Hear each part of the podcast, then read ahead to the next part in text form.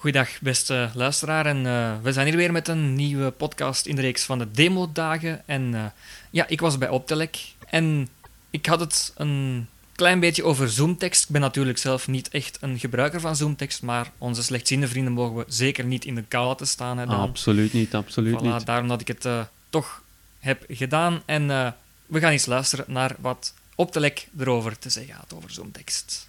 Zoomtext heeft nu een versie 10.1. 10.1, hm, ja. En uh, dat is ook de versie die uh, specifiek gemaakt is voor Windows 8. Uh, heeft een aantal, vooral nieuwe mogelijkheden naar compatibiliteit toe met Internet Explorer, met het nieuwste Office pakket. Met, dus er zit op zich inhoudelijk geen of weinig nieuwe functies in, -hmm. maar men kijkt wel naar, naar nieuwe evoluties op softwaregebied en zorgt dat Zoomtext daar goed mee overweg kan. En dan gaat het om Internet Explorer 10 of 11 al? 11, 11 ja, voilà, de series, amai, ja. En dan Office 2000 en... Uh, 13. 13 al, ja, ja, ja. Dus dat is allemaal toegankelijk. Ja. Dankzij, dus met Zoomtekst eigenlijk, ja. Met Zoomtekst nu.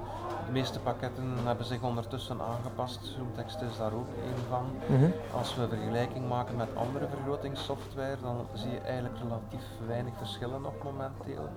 Een van de functies die Zoomtekst heeft die wel handig is en die niet in andere vergrotingspakketten zit, is het feit dat je bijvoorbeeld een tekst kunt laten voorlezen en ondertussen iets anders kunt doen uh, op de computer. Dus je kan een, een e-mail laten voorlezen en mm. ondertussen een Word-document uh, openen en daar een samenvatting maken van ah, ja. wat je hoort. Dus het is een, echt, uh, het is een multitask software ja, eigenlijk. Ja, dus dat is een van de nieuwe dingen. Mm.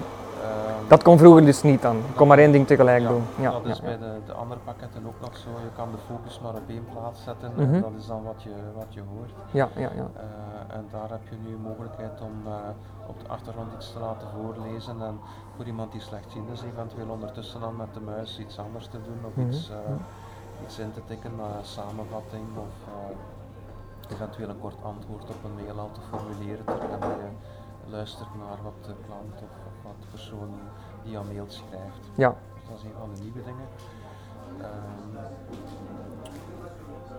ja, op, op, andere vlakken qua functionaliteiten zien we nog relatief weinig vernieuwing. Mm -hmm. um, iedereen heeft zijn uh, um, aanpassingen, moet, moet eigenlijk aanpassingen maken aan de nieuwe softwarepakketten die er voortdurend aankomen. Dus ja. Windows 8.1 dat zijn evoluties die elkaar heel snel aan het opvolgen zijn en die ervoor zorgen dat er eigenlijk alle aandacht van die fabrikanten van vergroting en spraaksoftware naar die nieuwe dingen gaat, nieuwe evoluties gaat. En die, die werking met Windows 8, waarvan je toch hoort dat, dat het niet de meest stabiele versie is, dat loopt dus wel vrij vlot. Dat werkt vrij vlot. Um, dat is uh, op dit moment uh, inderdaad goed aan het worden. Bij introductie is dat altijd een beetje zoeken en een beetje passen, want dan gaat dan Windows 8 en kort daarop 8.1. Ja. En dat zorgde ervoor dat men toch wel wat tijd nodig had om zich aan te passen. Maar nu kan niet zeggen dat we het aanraden aan klanten Windows 8. Onze ervaring is dat het toch nog voor veel mensen moeilijk is, omdat het weer helemaal anders is en echt wel grafisch georiënteerd is. Uh, met met uh, iconen die groot zijn en met Ja. apps. En, dus we hebben misschien toch nog wel een beetje de reflex om wat conservatief te zijn. En Ja, maar- ja, Windows 7 is eigenlijk wel stabiel en, en goed, dus probeer daar maar te, eh, verder mee te werken. Nu, mensen die echt willen werken met Windows 8 en met vergroting en spraak kunnen zich wel met die nieuwe software, zowel Zoomtext als Supernova, eigenlijk eh, uit de slag trekken. Ja, ja, ja. Ehm, daarnaast ehm, eh, zijn er wel een aantal dingen eh, op komst eventueel met eh, Zoomtext, waar men ook scansoftware wil gaan integreren Aha, en zo. ja. Maar dat duurt voor het Nederlandstalig landsgedeelte of het Nederlandstalig eh, gebied veel langer dan voor het Engelstalig. Dus ik denk dat we daar nog eventjes moeten wachten hier, voordat het helemaal op punt staat. Mhm. Dat versie heb ik al goed zien werken. Ja. Maar eh, voorlopig eh, is het nog even wachten op de Nederlandstalige stem en interface die daarbij hoort. Maar uiteindelijk, als je genoeg Engels kent en kunt, dan, dan, dan kan je dat ook wel gebruiken in die versie.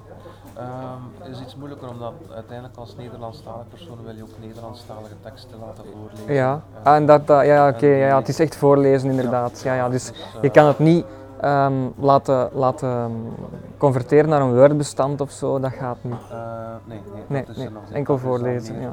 De functie die in een Dragon zit, dat Ja. gaan ze niet, eh, niet implementeren. Mhm. Maar je hebt wel een aantal functietjes in, in ZoomText om bijvoorbeeld een Word-document om te zetten naar MP3-bestand. Ja, inderdaad. Ja, dat zijn ja. wel al dingen, dan kan je het ook meenemen op je deze-speler. Dus dat, dat kan met dat eh, toestel, met, met Zoomtext dan ook of zo? Of met, ja, ja, ja.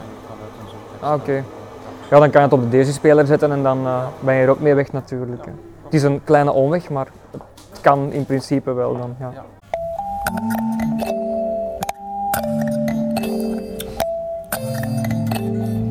Bedankt voor het luisteren naar deze podcast. Wil je meer podcasts horen? Surf dan even naar onze website www.tech-touch.net. Wil u zelf ook mailen of wil u eventueel vragen stellen? Dat kan ook via onze website, via het formulier of door een mail te sturen naar techtouchteam@gmail.com. U kan ons ook vinden op Facebook. Graag tot een volgende keer.